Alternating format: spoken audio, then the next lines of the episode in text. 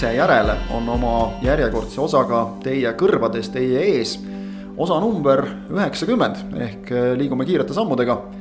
võtame sedapuhku jutuks üllatus-üllatus, jalgpalli koondise tegemised, premium-liiga tegemised, ühel rindel saadi ühele poole, teisel rindel veel lõpuheitlus jätkub. sedapuhku täna siin meie luksuslikus stuudios mina, Kristjan Jaak Kangur, lisaks mulle Ott Järvela. ja tere, ma tulen iga kord siia suures lootuses, et me saaksime arutada põhjalikult veepalli ja Soome pesapalliga seotud nüansse, aga iga kord öeldakse mulle, et teemaks on jalgpall umbes täpselt üheksakümmend korda pettumust, mõned saated sa oled vahele ka jätnud siis, kui sa oled puhkusel olnud või midagi muud sellist teisi häirivat teinud, aga. aga lisaks Otile täna ka Ivar Lepik. tere. mis tundega sina tuled siia nii harva või, või tihti, kui sa käid, et oled, oled ka pettunud, et jalgpall jälle jutuks tuleb? no vahepeal on hea ka jalgpallist rääkida, eks ole, et äh, võime ka pesapallist rääkida alati, aga, aga täna võib-olla jah, jääme oma liistude juurde, nagu öeldakse. just, oma liistud, alustame siis koondisest, ega midagi, Eesti koondis tegi Rahvuste Liigas viimase mängu ja õnneti sümboolselt null-null ehk siis äh, taga hoidsime nulli, ees hoidsime paraku ka nulli päris edukalt äh,. Null jäi Rahvuste Liigas tabelisse ka selle koha peale, kuhu võite märgitakse ja asi, mida me juba eelmises saates nagu nii-öelda maha hõikasime millele ametlikku kinnitust veel tulnud ei ole, aga, aga arvata võib, et ta tuleb. täpsemalt siis see fakt, et Karel Voolaid tegi ka oma viimase mängu Eesti koondise peatreenerina, vähemalt praegu, ei tea, mida tulevik toob. Aga viimaseks see talle jäi ja, ja nulliring paraku tallegi, ehk siis kümme kaotust, neli viiki ja null võitu. kõigepealt on vast mõne lausega mõistlik kokku võtta see, see mäng Gruusias mis äh, ilmselt nii neutraalsele vaatajale kui ka Eesti koondise fännile sellist silmailu pakkus päris vähe, aga midagi positiivset me ju sellest mängust saame ka ikkagi kaasa võtta. See mäng oli ilmetu ja seda vaadata ei olnud ühestki otsast nagu ilmselt fänni jaoks meeldiv. aga samas ei saa öelda, et Eesti oleks mänginud halvasti. et, et äh, mindi selgelt kaitsva taktikaga peale, see taktika õnnestus ellu viia Äh, selles mõttes, et tulemus saadi ju kätte null nulli näol. Äh, jah, ründemäng oli väheldane äh, ja see tekitas noh, kindlasti frustratsiooni ja pettumust. Aga noh, kokkuvõttes noh, see, see nagu ei olnud, see ei olnud halb etteaste, see oli selline noh, rahuldav. no minu jaoks jah, ütleme see mängupilt nagu oli, oli ikkagi natukene liiga passiivne, et, et okei okay,, tulemus null-null iseenesest Gruusiast ei ole hullu midagi. aga et me mängime niimoodi maailma edetabeli kaheksakümne kuuenda koha vastu.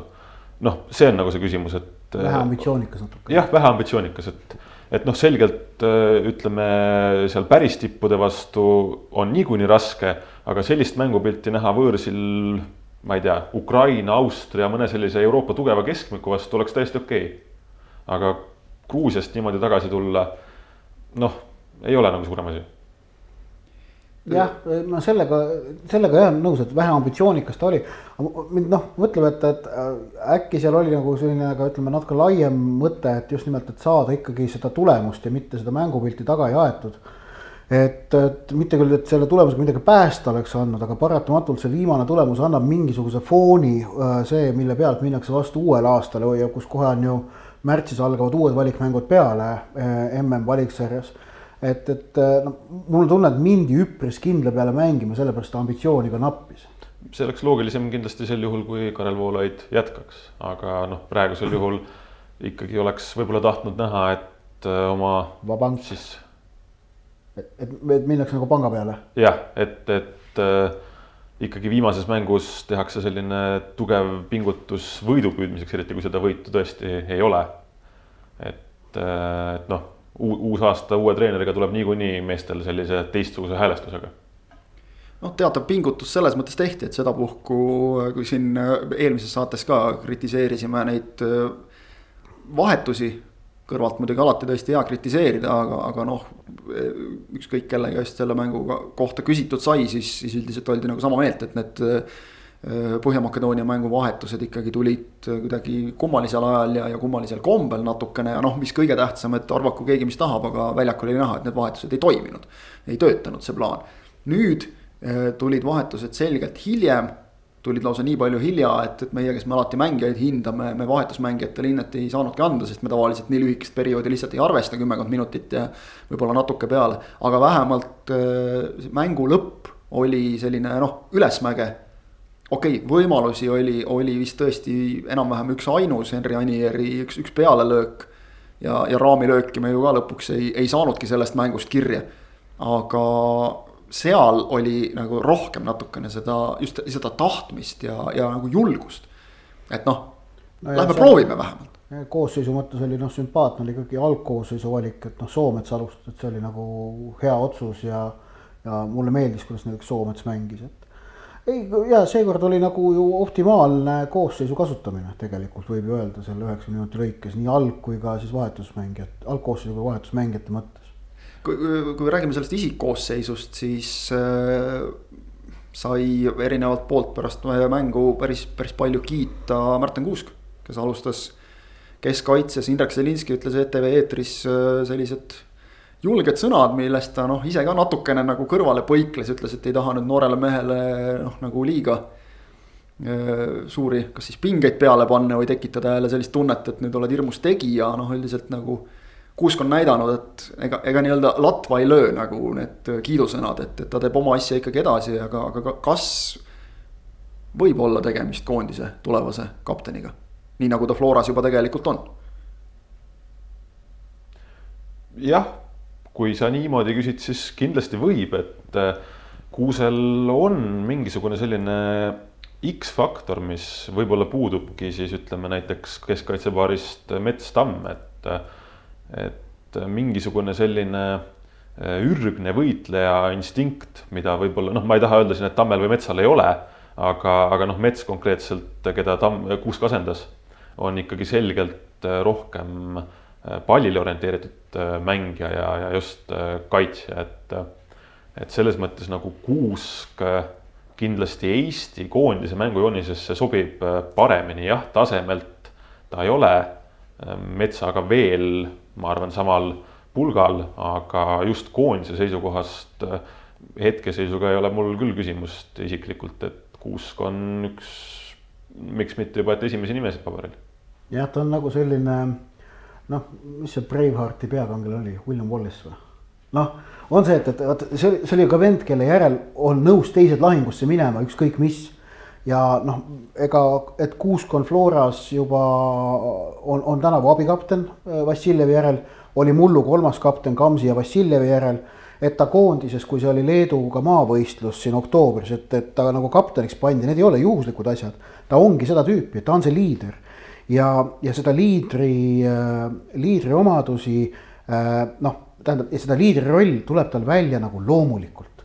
Ta ei pea seda kuidagi nagu enda seest eraldi välja võtma või pingutama selle jaoks või ta on lihtsalt tema ise ja ta mõjub teiste jaoks seeläbi koheselt liidrina. ja see ongi just jah, see X-faktor või midagi sellist, mida tegelikult ei ole võimalik nagu noh, kuidas öelda, õppida või, või, või juurde endale hankida, see kas on või seda ei ole ja, ja ma arvan, seda nagu, seda oli näha tegelikult ka noh, isegi läbi teleekraani ja sellepärast Zelinski teda ka kiitis ja ja no tõesti, et ta on nagu noh, liider väljaku mõlemas otsas, nagu ka öeldi ja, ja selles mõttes jah, üks esimesi nimesid paberil, nõus. ja, ja nüüd siis tekib küsimus, et kui Kuusk on paberil, et kuhu panna mets. ja see on nagu, see on nagu selles mõttes huvitav küsimus, mida, kes iganes Eesti koondist märtsis mm valikmängudes juhendama hakkab, peab ka hakkama lahendama. Ehk et noh, Karol Mets on, on ju tehniliselt on Märten Kuusest osavam. aga jah, Märten Kuusel on teistsugused omadused ja nüüd on võimalus see, kas on kuidagi võimalik leida nad mõlemad äh, väljakule, väljakule kokku panna, on ju. noh, üsna lihtsasti on võimalik, kokku panna, sest üks on parem ja teine vasakujalgne, aga see tekitab küsimuse, mida teha Joonas Tammega, eks ole, et. Äh, kes nagu ka vääriks no, kohta tegelikult. Märten Kuusk on tegelikult ikkagi, ta on vasakpoolne keskkaitse, mis siis, et parem ja algne, aga ta on mänginud no ikkagi nüüd juba ja. päris mitu aastat vasakpoolset keskkaitse. keskkaitse positsioonil jah, eks ta on küll mänginud parem kaitses, aga keskkaitse positsioonil mänginud just vasakpoolset meest, nii et natukene jällegi selline harjumise koht ilmselt ta oleks Mm -hmm. kui me räägime siin sellest äh, tagumise liini kindlusest ja, ja, ja sellest, et kaaslased kedagi usaldavad. siis minu jaoks vähemalt äh, võib-olla nende viimaste koondise akende või ütleme siis selle sügise. üks äh, rõõmustavamaid asju, nii vähe kui neid Eesti koondise juures olnud on, mõned on olnud, aga. noh, ütleme Rauno Sappinen näiteks ühes väljaku otsas, aga teises Karl Jakob Hein kelle pealt on nagu näha seda, et, et äh, esiteks ei, peale vaadates ei ole üldse aru saada, et tegemist on niivõrd noore mehega, kellel ju tegelikult noh, nagu sellest suurest meestemängust suur kogemus puudub. et noh, see U kakskümmend kolm, noh, me teame, see ei ole nüüd päris, seal, seal mängivad igasugused karvased ja sulelised Inglismaal.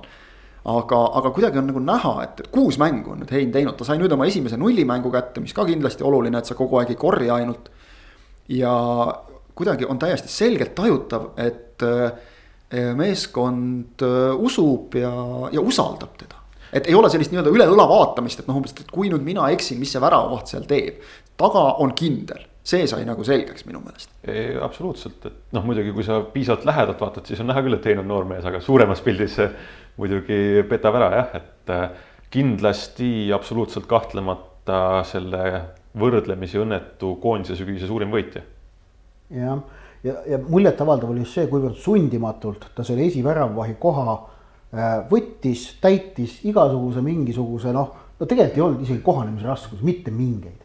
Lihtsalt tuli, mängis, vaja mängida, mängin, tehtud, olemas, kindlus on majas äh,. näha on, kõik kaitsjad usaldavad seda, mis selja taga toimub Äh, jah, see Leedu mängu noh, apsakas see oli, aga see on noh, see, see ei ole seotud üldse sellega. kokkuvõttes usaldus seal tagapool on nagu igatepidi olemas, kindlus on olemas. noh, põhimõtteliselt võib-olla paremal juhul on väravahi positsioon viieteistkümneks aastaks lahendatud, on ju. Loodame muidugi, et tuleb veel parem väravat, kes heina kõrvale lükkab, aga noh, noh, see on nagu noh, loota, et sellised asjad juhtuvad, ei ole, ei ole niisama lihtne väikeses jalgpalliriigis. Et see on muljetavaldav ja, ja see kahtlemata, see, et, et ta selle ühe nullimängu nüüd kätte sai noh, ma usun, et see on talle isiklikul tasandil ikka natukene tähtis on ja see nagu meeldib lihtsalt, et, et selle sügise eest ta vääris kindlasti seda nullimängu, et ta, ta, ta nagu partiid sellel sügisel on olnud piisavalt järjekindlad, piisavalt tasemel, et see null oli välja teenitud. see on natuke see, mida Ivar mainis, et, et koondise puhul oli nagu see lootus, et noh, võiks ju lõpetada hea emotsiooniga, et väravavaht, kui ta nüüd lõpetab need koondise mängud nullimänguga, siis kindlasti ta siit. see viimane emotsioon, mis jääb, see on positiivne, et noh kasvõi ütleme Põhja-Makedoonia mängust, kus ta tegi ju tegelikult võib-olla isegi parema mängu isiklikult väiksemate selliste pisieksimusteta. Võrreldes Gruusia mänguga, kus paar korda seal noh, oli lihtsalt näha, et mängupraktikast sellest tollest võib natukene olla nagu puudust. oli ka selline hästi-hästi keeruline mäng, et noh, märkpall, libe väljak. mõned korrad natukene seal puterdas, läks õnneks, ei löödud meile ära, aga aga Põhja-Makedoonia mängust ikkagi noh, lõpptunne ju jäi sisse negatiivne, et, et võtad kaks tükki välja ja võistkond kaotab, nüüd. ütleme, võis ta selle, noh, tema tegi oma töö ära, et, et tema asi ei ole väravate löömisele kaasa aidata. Talle jäi sealt kindlasti hea emotsioon. ega siin niimoodi mängijaid individuaalselt vaadates, siis väga keeruline ongi leida meest, kes oleks Gruusiast nagu negatiivse emotsiooniga ära tulnud, et noh, okei okay,, null jäi ette, aga ega tegelikult ju saime nagu hakkama, et. tahtmise taha see nagu ei jäänud, jah. et selline ühtlane võistkondlik esitus tegelikult jah. me oleme nüüd äh, selle viimase. Läks pa oluliselt paremini kui Saksamaal jah, seda kindlasti.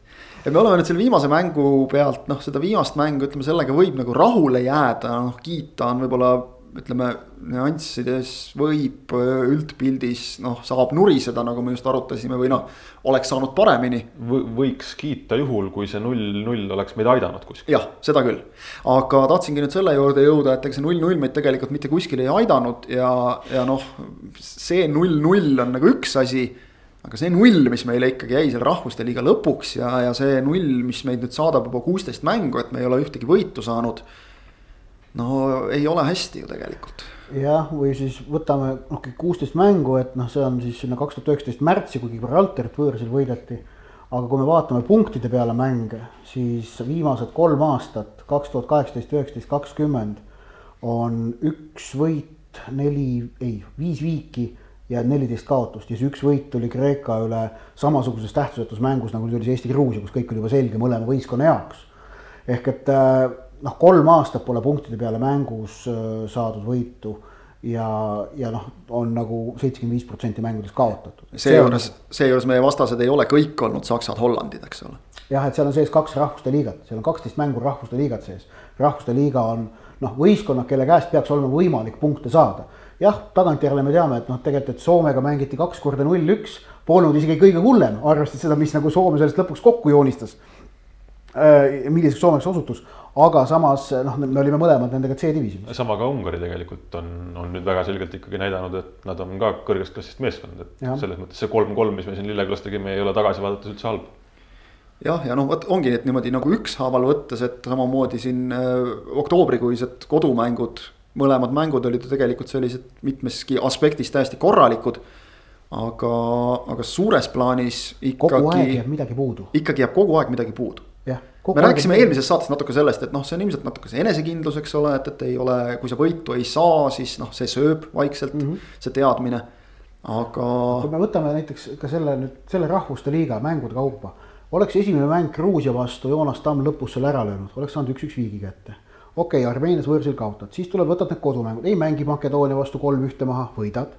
Armeenia vastu mängulise ülekaalu realiseerid võiduks, mitte viigiks seitse punkti ja, ja noh, lähed selle seisu pealt on ju, sõidad Makedooniasse, sa oleks läinud, sõitnud sinna mitte ka kaitsma kohta C-divisjonis, vaid äh, võitlema pääsu eest B-divisjonis. Need on väikesed nüansid, aga need asjad maksavad koondiste mängudes eriti, üldse jalgpallis väiksed nüansid maksavad koondiste mängudes eriti ja lõpuks ongi, et, et kui ikkagi kogu aeg jääb midagi puudu, siis on mingi süstemaatiline viga sees. eri, eriti rahvuste liigas, kus on võrdsed meeskonnad suhteliselt, noh, Itaalia vastu need nüansid võivad äh, olla meil kehvad ka, aga seal on, on see küsimus, kas null kolm või null neli, et mm. -hmm. nagu korral Voolaid luges ette, et ega meil ju tegelikult ühtegi sellist mängu ei olnud rahvuste liigas, kus me oleksime nagu noh, pähe saanud selgelt võib-olla võõrsil Armeeniaga oli natukene selline sihuke noh, ütleme, see oli kõige kehvem mäng. aga kui sa võtad. tolles mängus. kuuest üks noh oleks tolles mängus kohtunik teinud õige otsuse, andnud armeenlasele viieteistkümnendal minutil punase sellest, mis ta Kallastele tegi, mis oli puhas punase koht noh, võime jälle rääkida, mis oleks olnud. et ma tean, et on väga palju neid kindlasti ka meie kuulajate seas, kes nüüd hakkasid juba kätega ammu ehkima, et, et need oleksid ei loe mitte midagi ja noh, kõik on, kõik on pekkis ja, ja nii edasi. et ei tegelikult loegi. ei loegi, sest et jalgpallis loeb tulemus ja seda me ei suutnud teha, aga, aga noh, näiteks oleks oktoobri aken, eks ole, läinud vähemalt ühe mängu osas meil positiivselt, siis mis minu jaoks oli võib-olla kõige suurem pettumus, oli see, et äh, nendes kahes kodumängus oli selline tahtmist täis äh, agressiivne, näljane Eesti koondis väljakul, jah, saime mõlemast mängust viigi. ühes mängisime edu maha, teises äh, oleksime tegelikult väärinud võitu. aga see, et nüüd novembrikuistes mängudes oli jällegi ka Itaalia mängus tegelikult kõigis neis kolmes mängus jällegi väljakul selline pigem ettevaatlik, noh, natukene nagu, nagu närviline, alalhoidlik, endas ma ütleksin, kahtlev Eesti koondis. see oli minu jaoks selle viimase akna nagu kõige suurem negatiivne üllatus. olen nõus ja kui esialgu tundus, et võib-olla see kohtumine Itaaliaga on selline hea ettevalmistus rahvuste liigaks, siis võib-olla see mõjus just vastupidi ehk siis kõik see hea enesekindlus nii-öelda, mis me oktoobris üles ehitasime, selle lasime Firenzes maa alla. ja siis nägimegi selliseid rahvuste liiga mänge nagu nägime, sest noh, täpselt varem võisime ju öelda, et noh, Makedoonia, Balkani katlad, aga praegu on tribüünid tühjad, muru on täpselt samasugune igal pool mm. -hmm. ja et pigem peaks see nagu meie kasuks mängima, et, et vastastel ei ole sellist publikut kasutada kuskil nüüd tekkinud küsimus, et aga miks me siis pidime seda maavõistlust üldse pidama, et siis maavõistluste pidamine nii oktoobris kui novembris oli Euroopa koondistele kohustuslik. et see on telelepingutega ette kirjutatud, et kõik pidid mängima seal ühe mängu veel lisaks valikmängudele või rahvusteliiga mängudele. aga, aga jah, noh jah, see Itaalia mäng. selles suhtes nagu ütlesin, et teoorias oli mõte hea, et mm. saame sealt hea sellise korraliku tempoga enesekindluse, aga noh, ei saanud. no seda enam, et maavõistlusi üleüldse ju praegu on ülivähe, et iga selline mäng, kus mängija käib punktide peale, kus sa saad midagigi proovida, kedagigi katsetada, see on kulla hinnaga igale treenerile, et selles mõttes jah. isegi kui oleks olnud võimalus sellest loobuda, siis, siis ma leian ka, et oleks olnud pigem vale sellest loobuda. aga noh, see on just see, et takkajärgi targana, võib-olla tõesti see, see ei olnud parim emotsioon, mis sealt kaasa võeti tahaks rääkida hirmsasti Eesti koondise tulevikust, aga see kisub kangesti sinna spekulatsioonide nahka. mida me saame teha, me saame vist ennekõike loota, et leitakse väärt peatreener, kes puhub meestele sellise uue hingamise sisse, et koos temaga tulevad natukene küll stambiks kujunenud, aga siiski oluline see vajadus tõestada uuele treenerile ennast näidata, panna endast natuke veel rohkem välja ja et noh, et. Äh, enne kui see mees on ametisse nimetatud, enne me vist ei, ei saa siin väga midagi ennustada, et see on selline noh kohvipaksu pealt pakkumine suhteliselt. ja aga, aga noh, et see seis nagu, kus nüüd koondis edasi peab liikuma. arvestades, et tulemus on mm valiksari ja noh, seda ma armastan alati öelda, et mm valiksari on ise ettevalmistava iseloomuga Eesti koondise jaoks, sellepärast et kolmeteistkümne MM-ile pääseja sekka mahtumine on ikkagi neetult keeruline. Äh, et siis ähm, see, see nagu vundament, mille pealt nüüd ehitada, et noh, et ma arvan, ka selles Gruusia mängus natukene paistis, et noh, et kõige hullem see ikka ei ole.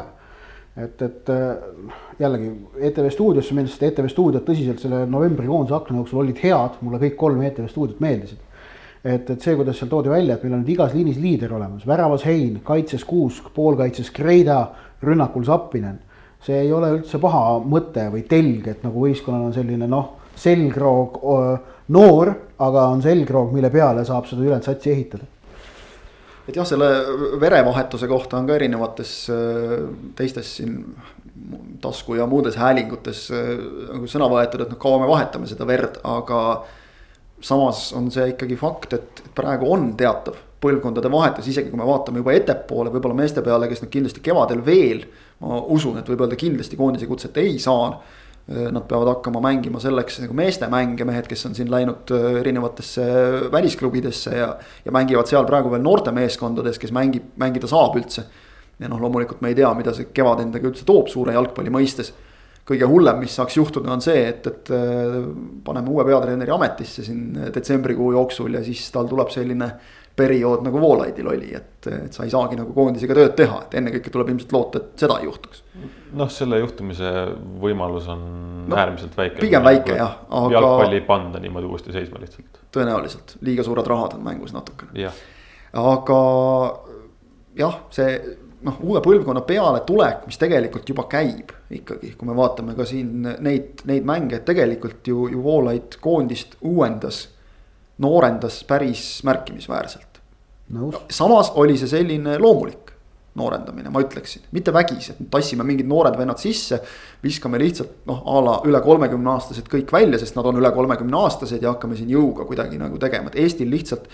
me peame ilmselt natukene endale ka vahel maa peale tulema ja tunnistama, et meil ei ole seda ressurssi et hakata siin nüüd rääkima, et, et noh, keegi tegi koondises halva mängu, viskame välja, võtame kohe uue venna asemele, ei ole võtta lihtsalt jah, selles mõttes on väga positiivne näha, et noh, tänasel päeval meil sisuliselt ongi ju kolm, kolmkümmend pluss meest koondisesse jäänud.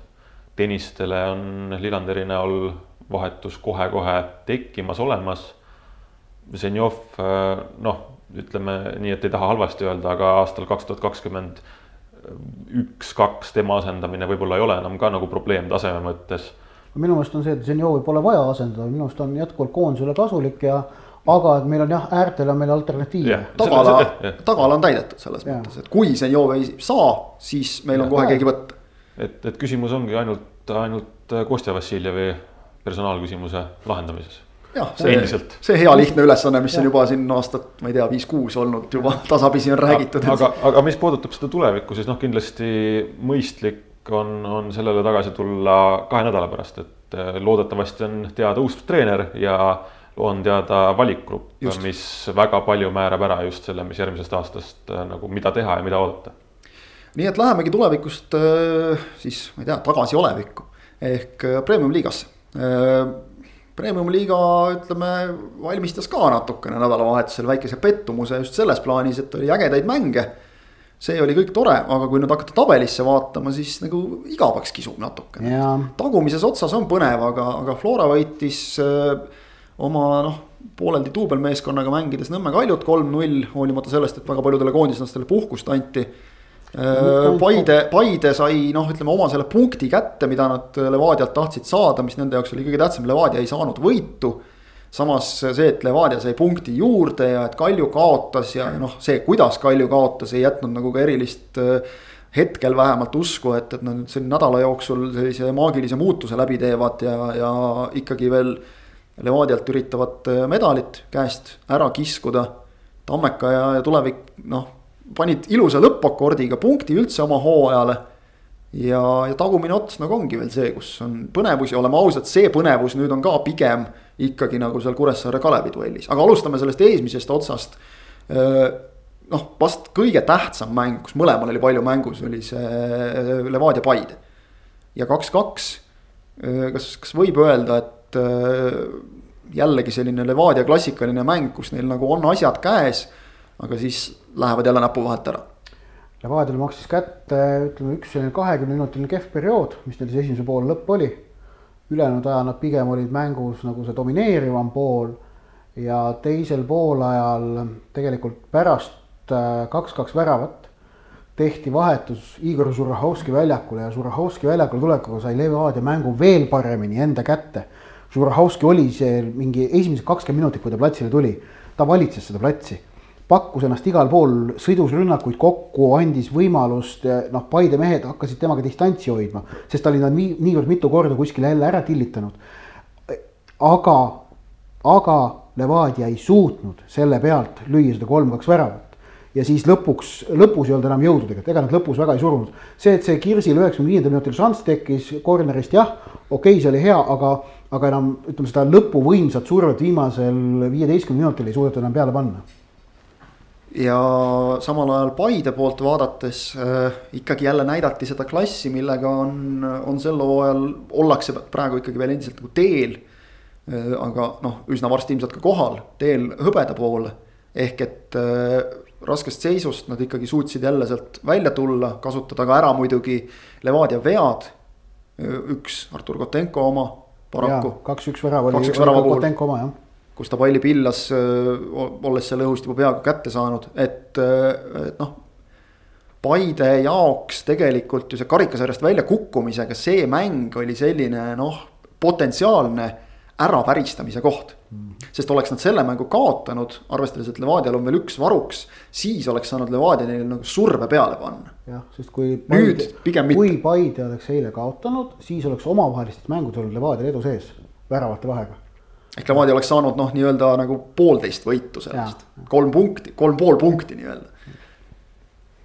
aga kisub ikkagi sinnapoole, et, et Paide läheb seal hõbemedali kursil ja noh, Levadia võib selles mõttes tõesti isegi selle noh, tagantjärgi vaadates, kuigi pettumus oli eile suur, siis, siis õnnelik olla, et. Et nad tegid jälle ikkagi Nõmme Kaljuga nüüd vahet natukene suuremaks. vahe on praegu siis viis punkti, pluss see, et, et Levadial on üks mäng varuks, noh, see üks mäng on Floraga ja nagu me nägime, siis Kalju võib kinnitada, et ega väga vahet ei ole, et. Flora võib su vastu lõpus mängida nii ka, et, et väravas on kaheksateistaastane premium-liiga debütant kaitseliinis äh, mitte ükski kaitseliini meestest ei mänginud lõpus nii-öelda noh, oma tavapärasel kohal, arvestades siis seda, et nagu esinduses Kristo Hussar paremal äärel, äh, kaheksateistaastane. Äh, ei, seitsmeteistaastane isegi vist. kaheksateist ikkagi. jah, seitsmeteistaastane Rocco Robert Shane tuli sisse, kaheksateistaastane Hussar paremal äärel. üheksateistaastane Markus Sepik keskkaitses, kes mängis premium liigas üldse teist korda sel hooajal alles Äh, Marko Luka, kes on mänginud sel hooajal äh, Floras olles äärekaitse kohta, mitte keskkaitset nagu, nagu Kuressaare ajal.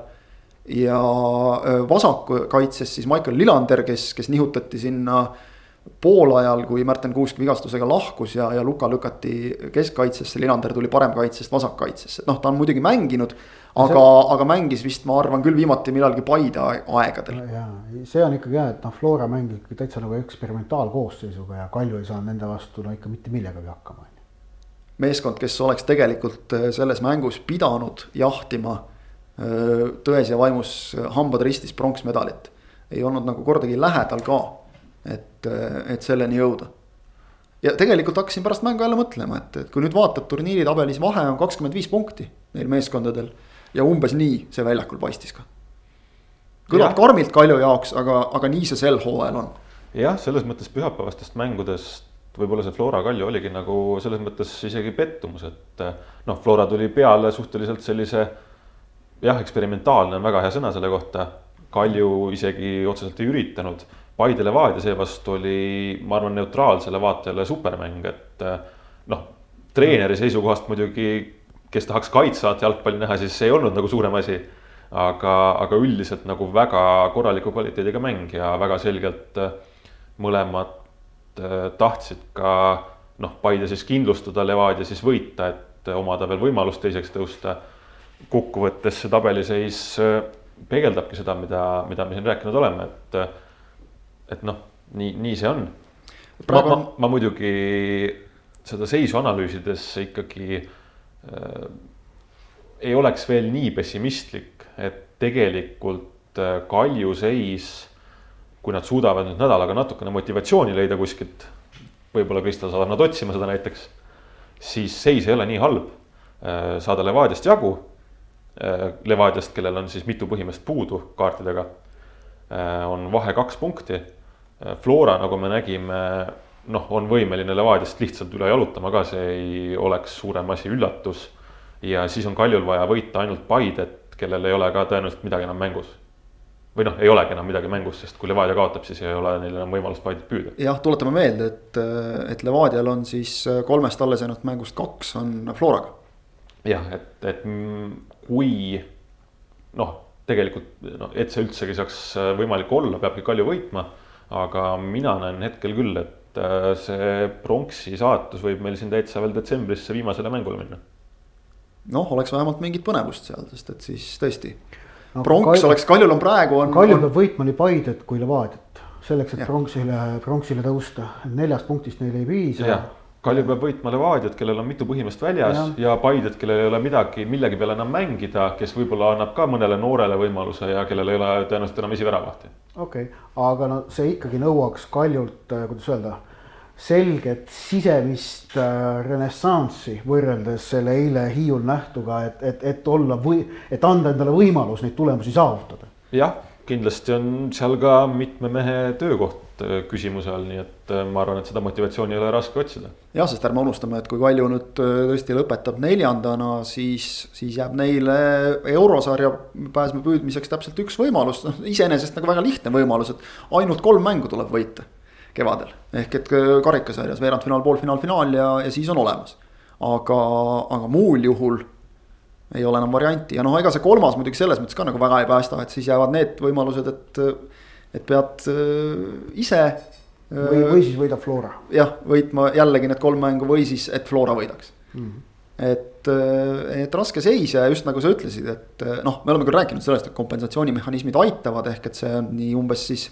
mis ta siis on, saja viiekümne tuhandene laks umbes eelarvesse, aga noh see on see suur laks. eeldusel, äh, sada viiekümne tuhandene eeldusel, et on planeeritud eelarvestada ühe eurosarja ringiga. kui on planeeritud eelarvestada kahe eurosarja ringiga, siis neljasaja tuhandene. ja ärme unustame seda, et äh, vist on nagu olnud aru saada, et pigem Flora, vabandust, Kalju arvestas äh, kahega sel aastal no pagana, noh, neil nagu võiks olla eelmistest aastatest, eriti eelmisest hooajast mingisugune finantspuhver, teadmata, mis on Kalju täpne finantsseis, aga noh. ei, ei näe nagu, et tegelikult Kalju kulutused koosseisule äh, eelmisel hooajal ja ka käesoleval oleksid olnud niivõrd suured, et selle eelmise hooaja finantsboonus, mis UEFA-lt teeniti, mis oli üle, üle miljoni.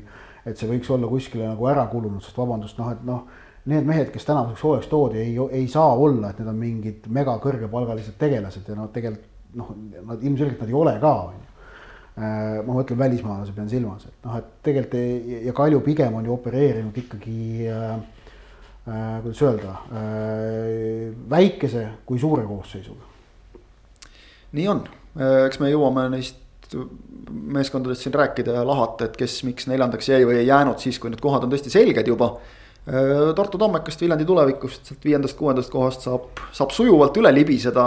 tuleb vist kiita hea mängu eest mõlemat võistkonda, et oli noh, ma, ma küll ise seda üldse ei vaadanud, ma vaatasin muid mänge või tegelesin muid asjadega. pagan, kolm-kolm viik niimoodi hooaja lõpuks mängida, et noh, et noh ikka tänasid kõiki oma pealtvaatajaid, ütleme niimoodi. kusjuures niimoodi mängida, et, et üks läks kogu aeg ette, siis teine jälle viigistas kolm korda aga noh, tulevikul oli tegelikult seal vist mängu lõpus üks väga hea võimalus Pavel Marinil lüüa ära ka äh, neli-kolm, mis oleks nad tõstnud mööda Tammekast, et siin selles mõttes nagu vedas, et viiendale-kuuendale kohale jäid meeskonnad, kes oli teada, et seal mängivad omavahel.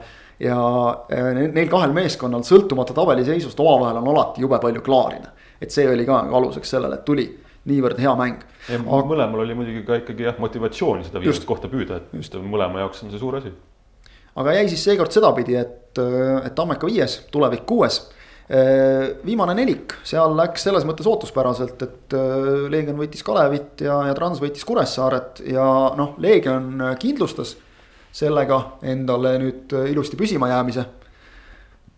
ja, ja Narva Transil noh, ikkagi neli punkti edu Kuressaare ees ja, ja, ja kuus punkti nüüd edu Kalevi ees seis on äh, mitte veel päris kindel, aga noh, peab ikka päris paras ime ka juhtuma selleks, et. et, et nüüd noh, Kuressaare, kes ei ole nüüd võitnud vist esimesest juulist alates kaheksateist mängu või palju neil seal on. et Kuressaare peaks nüüd võitma nagu tegelikult äh, küll vist mitte mõlemad, sest äh,. aa ei, nüüd omavaheliste mängudega läks nüüd jah, Trans ette, nii et äh,. et, et ikkagi siis mõlemad, Kuressaare oleks kahte võitu vaja, ehk et äh, noh oleme ausad, nagu hetkeseisu pealt ei näe juhtumas selles mõttes seal läks nagu hästi lihtsalt jah, et äh, kokkuvõttes võib öelda, et äh, tugevamad, kes seal alumises nelikus tugevamad on, nemad otsustasid asjad enda jaoks ära, et äh, noh, Leegionil on seda sisu selgelt, selgelt rohkem ja, ja Trans on ka sel hooajal mänginud pigem allapoole oma taseme. ehk ja. siis Kuressaare ja Kalevi puhul noh, ootame omavahelist võitlust jah, ma olen. aga seal on nüüd see nüanss, et vaata, et kuna homme, kuna Leegionil kõik on nüüd tõesti selge, siis kui Leegionil tekib selline noh, kerge tagasitõmme, et noh, ei pea enam täiega pingutama, siis võib Kuressaare saada küll Leegioni käest äh, tulemuse kätte ja isegi võidu e, ja samas, äh, kui Trans Kalevi vastu, kui Trans ei võimalda Kalevile sama tulemust, mida võimaldab Leegion Kuressaarele, siis on viimase vooru eel ka nagu pinge maas on ju et loodame no,. ei, tõsi, jah, jah, siis on pinge maas. siis on pinge maas jah, et, et kui jah, kui, kui Kuressaare ütleme saab viigi, siis noh, on, oleks see ja, ja Kalev ei saa midagi, siis oleks vahe kolm punkti, siis noh jääks seal veel midagi õhku, aga. nüüd on jälle siis sõltub see, mis on omavahelised on ju. omavahelised minu mäletamist mööda olid Kalevi kasuks. aa, no siis on, siis on, siis on viimane mäng väga lihtne no.. juhul, kui Kalev siis muidugi selle viimase võidab, eks ole. jah, jah, jah. praegu oli vist niimoodi, eks ole, et, et viik ja mõlemal võit, eks ole, just, mm. et eh, no loodame selles mõttes, kuna see on meie ülekanne ka, siis me väga loodame, et, et, et kolmapäeval kell üks eh, see Kalev Kuressaare eh, Sportlandil tuleb üks, üks hirmus kõva andmine, laupäeval, vabandust jah, teisipäeval ei mäletagi, millal viimati nagu kõrgliigas, et viimases voorus oli selline noh, totaalne väljalangemisvõitlusmäng. alles oli äh,. see ei olnud väljalangemismäng, see oli üleminekumängud. üleminekumängudel ongi see, et üks kukub. ei seal... äh,, Premium liiga üheksanda koha peale mäng ah,, kaheksanda üheksanda koha peale mäng. aga praegu on see, et noh, et üks, üks, üks nagu langeb kindlasti, et see on nagu tegelikult, tegelikult noh, kui see asi tuleks viimases voorus, see oleks äge. See oleks sportlikult äge ja noh. noh, samamoodi, miks me loodame seda, eks ole, et, et viimases voorus jääks nagu medalid mängu, et, et see. see, see oleks põnev, aga jällegi muidugi vaadates, mida siin Kalev on teinud Dmitri Skalašnikovi käe all, siis võib neid ka kõike oodatas, kaasa arvatud näiteks seda, et. kui trans, kui trans näiteks natuke jala sirgu laseb ja, ja siis piisab omakorda ja ütleme näiteks Leegion võidab Kuressaaret siis oleks juba Kalev enne viimast vooru ühe punktiga ees, mis tähendab, et neile piisaks viigist juba, ehk et äh, tuleb oodata seda nädalat põnevusega, ega muud midagi. loodame lihtsalt jah, et teisipäeval asju ära ei otsustata, et see oleks natukene igav lahendus sellele, sellele Kalevi visale võitlusele. natuke nukker jah. ja, ja, ja noh, samal ajal muidugi ka ju see nädal äh, siis ütleme järgmises äh, astmes väga-väga suured ja olulised mängud, et Vapruse ja Maardu lahingud jätkuvad seal samamoodi, et see Premium liiga alumine, esiliiga ülemine ots on praegu küll, küll nagu super põnev ja, ja noh, selle koha pealt võiks küll öelda, et see poolitamine on läinud täiesti asja ette, et just need omavahelised mängud hooaja lõpus on hoopis teine tera. kuulge, aga tegelikult võib ju veel ma arvan, et Rans ka viimaseks jääda. jah, võib küll. sest et kui, kui Kalev võidab mõlemad mängud, siis äh, on neil Transiga sama palju punkte ja nad on äh, sel juhul Transist omavahelistega paremad Äh, aga, aa. ei Kures, saa, jah, sest kui Kalev võidab mõlemad, siis ei saa Kuressaare saada üle kolme punkti. ja praegu on neli vahet, aga okay. Trans võib langeda üleminekumängudele. jah, see on variant, Kalev võib tõusta isegi kaheksandaks. jah, et no. noh, põnev, põnev.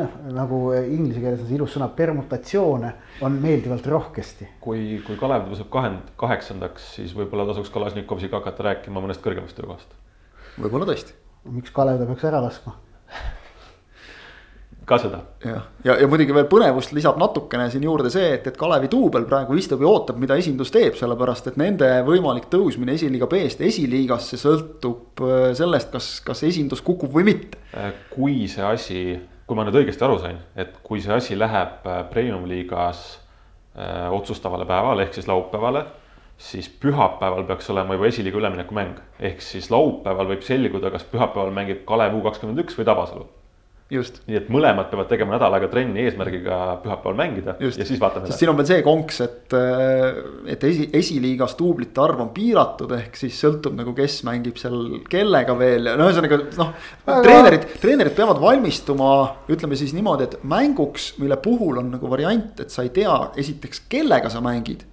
ja mhm. teiseks on nagu variant, et sa ei tea, kas sa üldse mängid et see ei, see ei ole kindlasti mingisugune lihtne nagu, ülesanne. kõlab nagu aasta kaks tuhat kakskümmend jah, aga noh, Kalevi duublil on muidugi selles mõttes ikkagi lihtne, et äh, Aivar Anniste keskkaitses ja, ja keerab kõik luku taga ja ongi tehtud.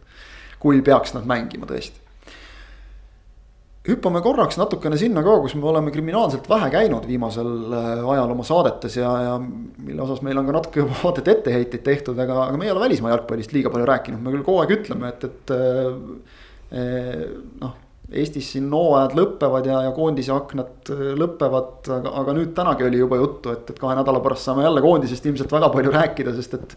järgmisel nädalal kindlasti premium-liigast. jah, järgmisel nädalal premium-liigast ja siis jälle koondisest, et kui on treener ja, ja kui on vastased ja kõik, kõik asjad on selged, aga räägime siis natukene välismaast ka, sest et äh, Inglismaa kõrgliiga on äh, osutunud sel hooajal nagu meeldivalt tasavägiseks, et kui siin võis nagu arvata ja kahtlustada, et noh, mis siin ikka olla saab, et, et Liverpool paneb sama hooga edasi ja.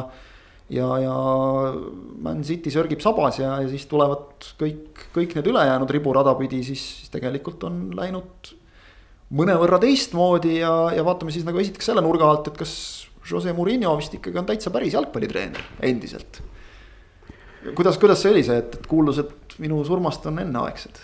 võib vist Murillo öelda, Tottenham Hotspur Inglismaa tabeli liider. jah, ja, ja, ja no see Tottenhami mäng Man City vastu mulle väga meeldis, see oli, see oli, see oli selline muljetavaldavalt äh,, muljetavaldavalt vastupanurohke ja, ja targa vastupanurohke ehk et äh, Tottenhami mänguplaan ja muidugi okei okay,, see, see Hyung-Min kiire avavärav aitas tohutult kaasa kõigele. aga noh, ütleme, eks see oli natukene ka sinna sisse ehitatud, et nad proovivad on ju Cityt niimoodi nõelata, et see oli nagu selgelt. kuidas üks-null värav sündis, Harry Kane liikus keskväljale vastu, tekitas sellega enda selja taha ruumi, kuhu, kuhu tõmbas keskkaitse kaasa, kuhu Son spurtis. see oli nagu kokku lepitud, Kane tegi tegelikult seda veel esimese poole jooksul veel mitmel puhul ja ja noh, seda, sellega proovitigi, on ju, Man Cityt haavata. no see värav, mis äh, lugemata jäi suluseisu tõttu Mm -hmm. see oli fantastiline vasturünnak, seal mängiti niimoodi nii-öelda siksakitades lihtsalt ühe väravalt teise alla. kõik liinid laiali ja noh, alati see, kui sa suudad nagu söödumänguga mängida ründaja täiesti tühja värava ette. see näitab alati, et see midagi on väga hästi ja väga õigesti tehtud. pealelöögid võisid küll olla mingi neli, kakskümmend kaks või viis, kakskümmend kaks City'le, aga kui raamidesse oli vist kaks-viis äkki ja noh, ega Hugo Lloris seal väravas midagi imet nüüd tegema ei pidanud, on ju, et, et äh, see nagu näitab, et kaitsemäng äh, oli kindel tegelikult, jah, vastane oli küll palju peale, aga lõi peale enamasti ohutult. jah, Tottenhami ja Murillo ütleme, see abielu on, on selles mõttes andnud huvitava tulemuse, et justkui treener, kes on väga selgelt selline võitja mentaliteediga, aga ei ole justkui enam võitnud väga tükk aega väga mitte midagi noh, te, teise koha karikad, jah, teise koha karikad ja need FA Cupid ja noh, need on no. siuksed, okei okay,, liigakarikad. Need ei lähe Mourinho standardite järgi, need ei lähe arvesse. Need ei lähe arvesse. nii on hea öelda, äh, et ja justkui selline meeskond, kes ei ole harjunud võitma, et, et see klapp on, on olnud ootamatult hea ja, ja justkui Mourinho tõesti on leidnud, leidnud Tottenhamist mängijad, kes äh, nii-öelda mõistavad teda ja, ja leidnud ka selle mängu joonise, kuhu nad asetada. et, et kindlasti väga, väga huvitav, väga huvitav paar ja tõesti selle hooaja liigat, Inglise liigat vaadates, siis mine tea, kuhu nad välja jõuavad no seal Inglismaal võib, võib tegelikult täitsa kõike juhtuda, et näha on, et no ikkagi seis on väga ettearvamatu. ja, ja see suurendab Tottenhami võimalusi, see suurendab, noh, ütleme nii, et noh, praegu nad vist sellest Euroopa Liidu alagrupist lähevad niimoodi suht nagu lõdvalt läbi, aga oleme nii, et oleme, oleme ausad, et kui nagu veebruaris on seis selline, et Tottenham on tiitlijahis sees, siis Morinho oskab külmalt teha sellise asja, et nad seal kuueteistkümnendat finaalis välja kukuvad sealt Euroopa liigast niimoodi, et noh, et ei sega risu jalust ära. ja, ja noh, see oleks, ütleme nii, et oleks tark lüke ilmselt on ju selle asja nimi et äh, Tottenham on tiitli või tiitlijahis sees ja, ja ma ütlen, noh, see puhtiigel minu arust oleks see parajalt punk, kui, kui Tottenham, kes on mitmel puhul tul, olnud lähedal ja värki, aga jõuaks lõpuks sihile Mourinhoga, kes on mõnes mõttes nagu eba-Tottenhamlik treener tegelikult ju. Ja totaalne vastand ka Pochettinole, kes oli Tottenhami eelmine peatreener. see kõik nagu näitaks seda endiselt, kuivõrd ennustamatu, prognoosimatu, jabur see tippjalgpall on, mis teeb selle niivõrd nauditavaks jah, noh, ärme unustame siin alles mõned hooajad tagasi ju visati Tottenhami üle kõvasti nalja, et, et meeskond, kes suutis nagu kahe hobuse võidujooksus jääda kolmandaks yeah.. kui Leicester võitis tiitli. aga, aga Liverpool muidugi näitas jällegi seda, et, et noh, neil oli selline klassikaline mäng, et nagu neil on ikka. koondise aknas langes juba jälle mehi ridamisi ja, ja viimases mängus oli ka nii, et selline tüüpiline, et. Šota lööb värava, Liverpool võidab, keegi saab vigastada jälle põhimeestest aga kogu aeg nagu ikkagi leitakse need mehed, kes mängu teevad ja, ja mäng Lesteri vastu, mida hinnati nagu ikkagi väga keeruliseks enne.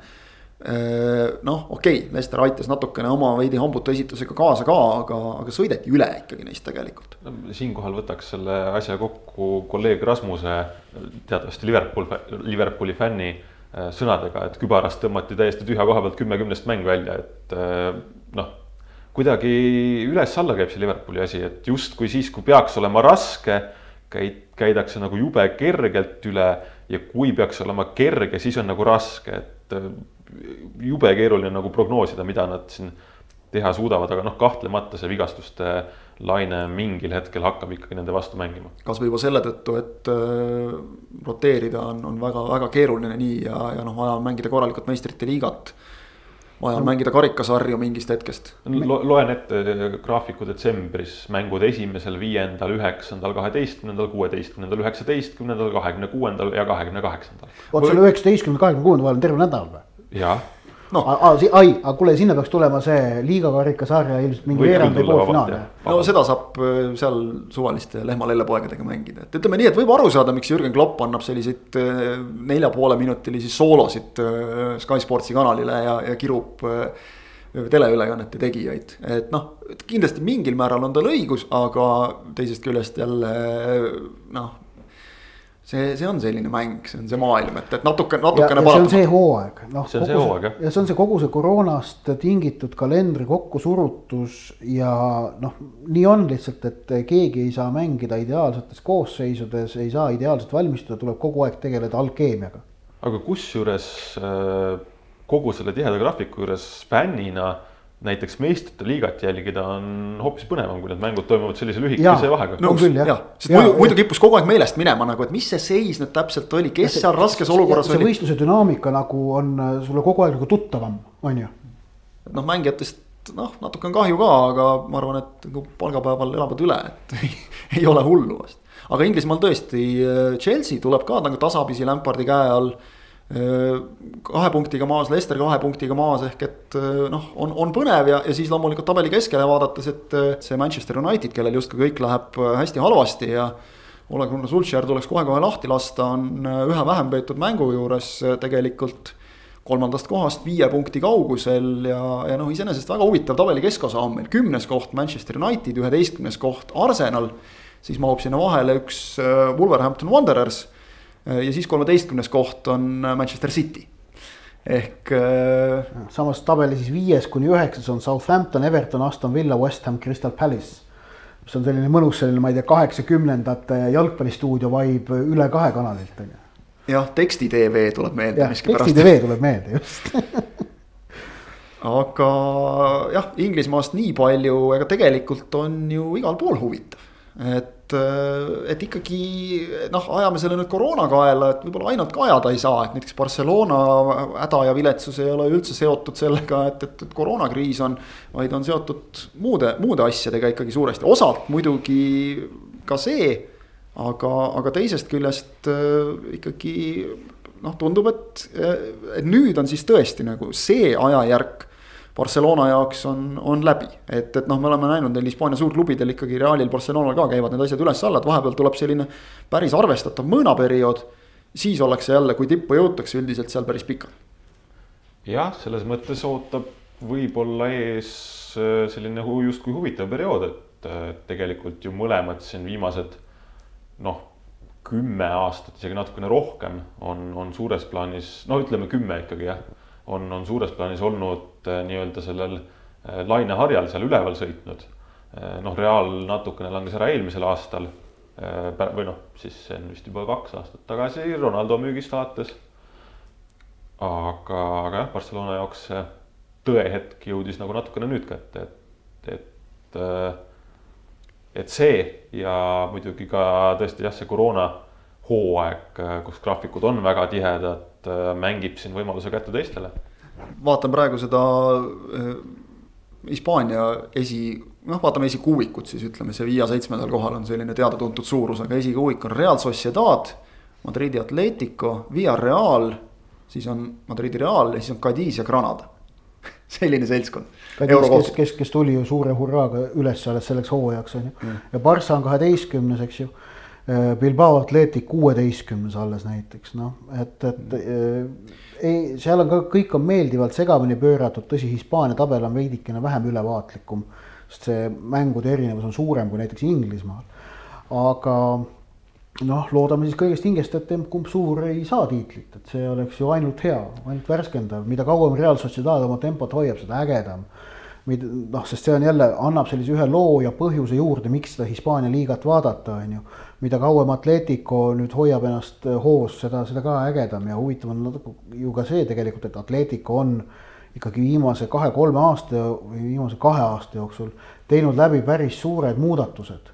Ja, ja et kas, kui Diego Simeone suudab selle satsi nüüd uuesti sinna tippu viia, siis see on juba kergelt selline Sir Alex Fergusonlik äh, trikk, et sa lammutad oma eduka satsi ära ja ehitad uuesti ülesse see on kõva sõna ja praegu vaatad ikkagi, et noh, kaheksa mänguga esiteks on nad teisel kohal, nii et nad on liidritest kaks mängu vähem mänginud.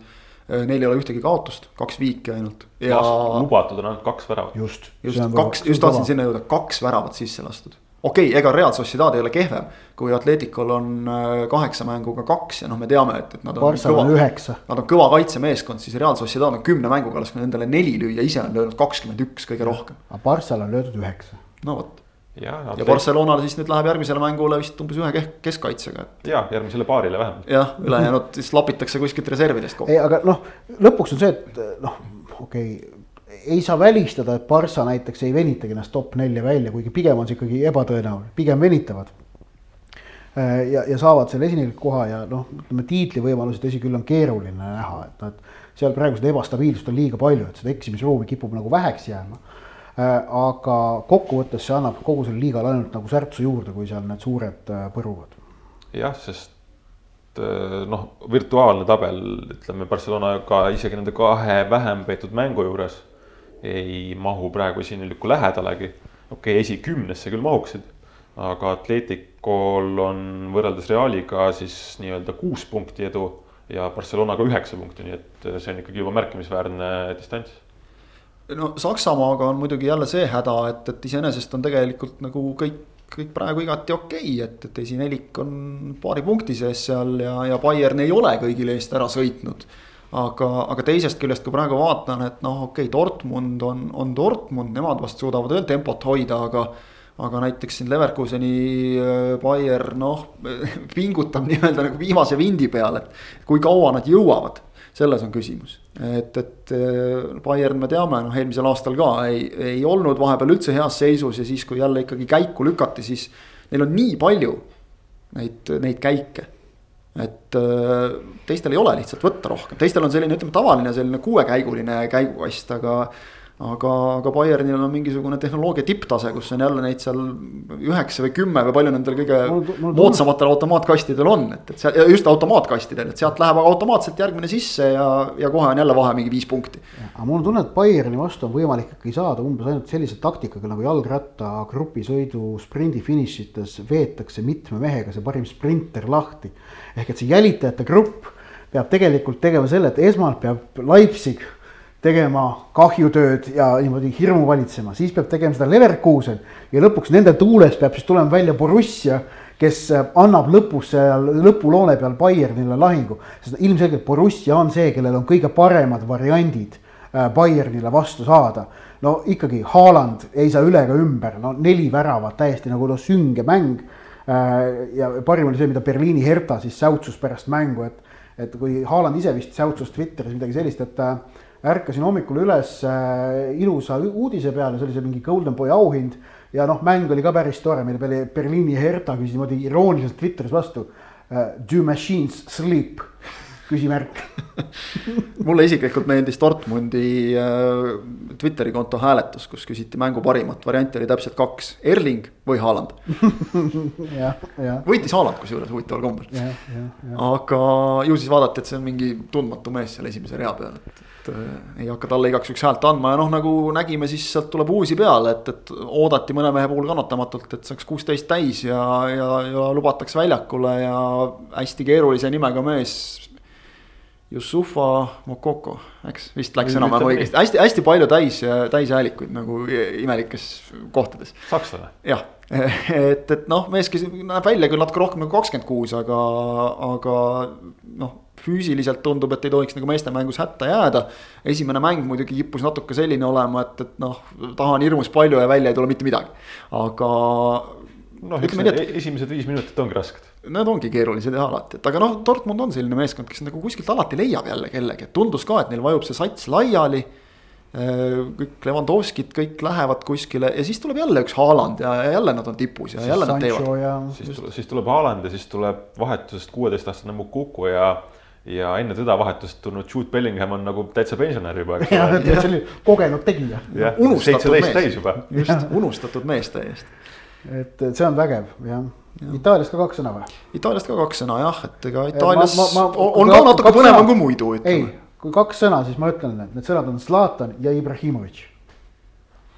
kõik vist öeldud ei noh, täitsa nii ei ole, aga noh, ikka aga... täitsa sünge vana noh, jälle kaks väravat. sai vigastada küll, aga. aga no me teame, et kui teised oleks nüüd kuu aega väljas, siis ta ilmselt on kaks päeva umbes. Ja. siis paraneb jälle ära ja kõik, et jah, Milan on endiselt liider ja, ja noh, ütleme sealt teiselt kohalt Sassuolot leida on ka päris punk tegelikult. Rooma, Juventus, Inter, Napoli, noh, sealt läheb suures plaanis samamoodi edasi, aga, aga, aga Juve ikkagi ütleme, et, et Pirlo käe all otsib ennast endiselt veel vist, tundub ega neil midagi hullu ka lahti ju ei ole. ei hullu muidugi mitte, aga lihtsalt noh, nii sujuvalt ei lähe nagu enne. no neli punkti vahet Milaniga on noh, see on nagu, ma arvan, Juventus ei närveeri ausalt öelda. et, et kui, kui nagu Barca peab selgelt olema noh, või Barca saab aru, et neil on asi on halb. Eh, ja Realil on mingid noh, olnud mingid ebaluse tundemärgid. Eh, ma arvan, Juventusel ei ole mitte mingit muret, esiteks neil pole ühtegi kaotust ja, ja noh, teiseks on see, et tõesti neli punkti AC Milaniga ei ole midagi, mille pärast Torino Juventus muretseks. jah, ja, ja neil on äh, liiga parim kaitse. see, see alati nagu toidab, et, et kui, kui ka nagu muu ei jookse, siis noh, hoia taga nulli ja küll need väravad ka tulema hakkavad jälle, eriti kui sul keegi Ronaldo nimeline on, keda paraku ka sai, sai tundma jälle õppida meie Ragnar Klavan, kes küll positiivse poole pealt pääses äh, algkoosseisu, negatiivse poole pealt esiteks sai kaotuse ja teiseks sai kõva paugu vastu pead, nii et äh, tervisi, tervisi talle tõesti Itaaliasse, loodetavasti ei ole midagi väga tõsist, me oleme siin Eestis tegelikult nende igasuguste peapõrutustega kahjuks nüüd siin viimasel ajal saanud selliseid negatiivseid kogemusi ka, et tervisiga Mattias Käidile, kui ta meid, meid peaks Sloveenias kuulama ja kiiret paranemist. ja loodame, et mehed saavad kiiresti platsile tagasi, aga, aga ei jah, Itaalias selles mõttes on, on tegelikult ka ikkagi põnev, põnev hooaeg käsil, et, et Juventusel noh, hetkel nad ilmselt ikkagi on soosik number üks, aga Inter ei ole mänginud kehvasti Napoli ei ole mänginud kehvasti, noh, said nad seal ju sellele lolli miinus ühe veel. et noh, me ei tea muidugi, palju siin need mingid koroona asjad veel mõjutama hakkavad. ja noh, Zlatan, eks ole, et äh, kes, kes teab äh, toredat legendaarset laulu Zlatanist, siis see anti välja aastal kaks tuhat kolmteist, kui ta oli just BSG-sse läinud. noh, kus me nüüd seitse aastat hiljem oleme, eks ole, et mm -hmm. mehel on nagu sambad juba eluajal püsti ja neistki on juba kümme aastat möödas, aga ja noh. täiesti müstiline. ja, ja enam-vähem nagu igas riigis, et, et see, see on ka omaette saavutus täiesti. jah. jah. jah. Zlatan Ibrahimovitš, sellega vist sobib ka saadet lõpetada. aitäh, aitäh, et kuulasite, aitäh Ott, aitäh Ivar. Meie üheksakümnes osa taskuhäälingust Pikk ette ise järele saab sellega lõpu, aga nagu alati saate lõpus kõige suurem rõõm on see, et nädala aja pärast jälle, nii et aitäh kuulamast ja kohtume taas